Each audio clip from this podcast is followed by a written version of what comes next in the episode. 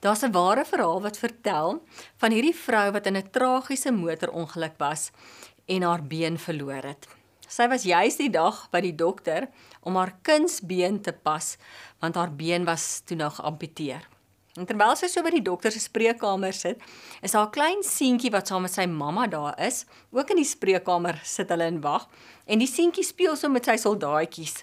Maar sy sien die seentjie 'n oogklappie oor sy een oog. En later vra sy toe nou vir die seentjie wat is fout met sy oogie. En hy lig toe die die oogklappie op en hy sê daar's niks fout met my oog nie. Ek is 'n seerower. En daardie woorde het hierdie vrou met die geamputeerde been sy hele lewe verander. Want sy sit toe daar en sy begin haarself sien soos Long John Silver, 'n seerower aan boord van 'n skip. En sy staan op hierdie skip en die wind waai en sy sien hoe sy die die winde en die storms trotseer al het sy hierdie geamputeerde been. En sy sien dit in haar geestes oog. En toe sy nou opstaan en die dokter vir haar sê sy moet in die in in sy kamers inkom, sien die seentjie dat die tannie het 'n geamputeerde been. En soos kinders maar is, skree hy toe kliphard uit en hy sê: "Wat's fout met die tannie se been?" En die mamma kry so half skaam en sy wil hom so stil maak. Maar die tannie kyk toe net so vir hom en sy sê: "Ek is ook 'n seerower."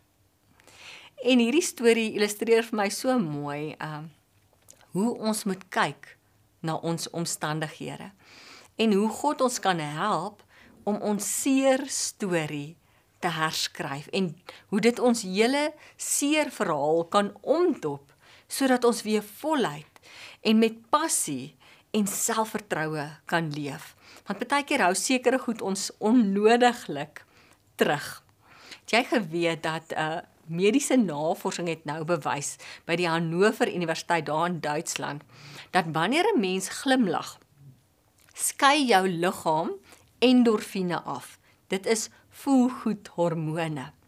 Maar die studies gaan verder en wys dat selfs wanneer dit 'n geforseerde glimlag is, met ander woorde nie 'n egte glimlag is nie, ken jou liggaam nie die verskil nie en skei jou liggaam nog steeds voelgoedhormone endorfine af. Al is dit 'n geforseerde glimlag. Is dit nie wonderlik hoe ons liggame aan mekaar gesit is nie? Nou, vandat ek dit gehoor het, sit ek soms in die op die snelweg in die verkeer en dan sit ek so geforseerde glimlaggie aan as ek gespanne is want ek weet dit gaan mos nou voelgoedhormone in my liggaam vrystel. En ek dink mense wat verby my ry dink seker wat is fout met hierdie vrou met haar geforseerde glimlaggie op haar gesig Ja, studies wys dat wanneer ons lekker lag, 'n goeie lagsessie het van 15-20 minute, verbrand ons kilojoules en verbrand ons dieselfde hoeveelheid kilojoules as wat ons sou verbrand het as ons 'n aerobiese klas gedoen het. So so nou is ons liggaam en gees en alles in mekaar gewewe. So ja, kyk, dis hoe jy kyk na jouself. Dis hoe jy dink oor jouself is ook belangrik. Al hierdie goeters is in mekaar geweef. Hoe jy praat oor jouself, daai self-talk. Nie krities en afbreekend en ek's nie goed genoeg nie en die Here kan my nooit gebruik nie en ek's nie genoeg goed genoeg vir my kinders of my man. Afbreekende goed wat ons nie eers vir ons grootste vyand sal sê nie, sê ons baie keer vir onsself om regtig ook genade te hê vir onsself. Ons woorde mooi te kies, die Here te vra om vir ons wysheid te gee sodat ons die regte woorde sal gebruik nie net teenoor ander nie, maar ook teenoor onsself. Weet, ons woorde het so groot effek op ons kinders en dat ons attent sal wees op daai woorde. En ek het weet dit is moeilik wanneer jy in daai situasie sit en en jy jy's kwaad en jy verloor jou hier meer, maar om jou woorde te kies dat dit opbou.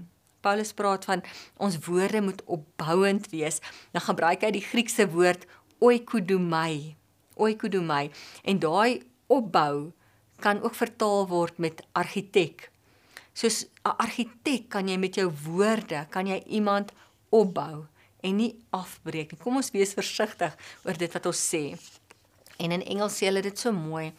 It takes a lot of strength to be gentle. Dit vat baie innerlike krag en baie innerlike selfdissipline om sag te wees, om liefdevol te wees. It takes a lot of strength to be gentle. Maar daai woorde wat jy oor jouself uitspreek, wat jy oor jou kinders uitspreek, mense om jou, het 'n effek op hulle lewens, het 'n effek op jou eie lewe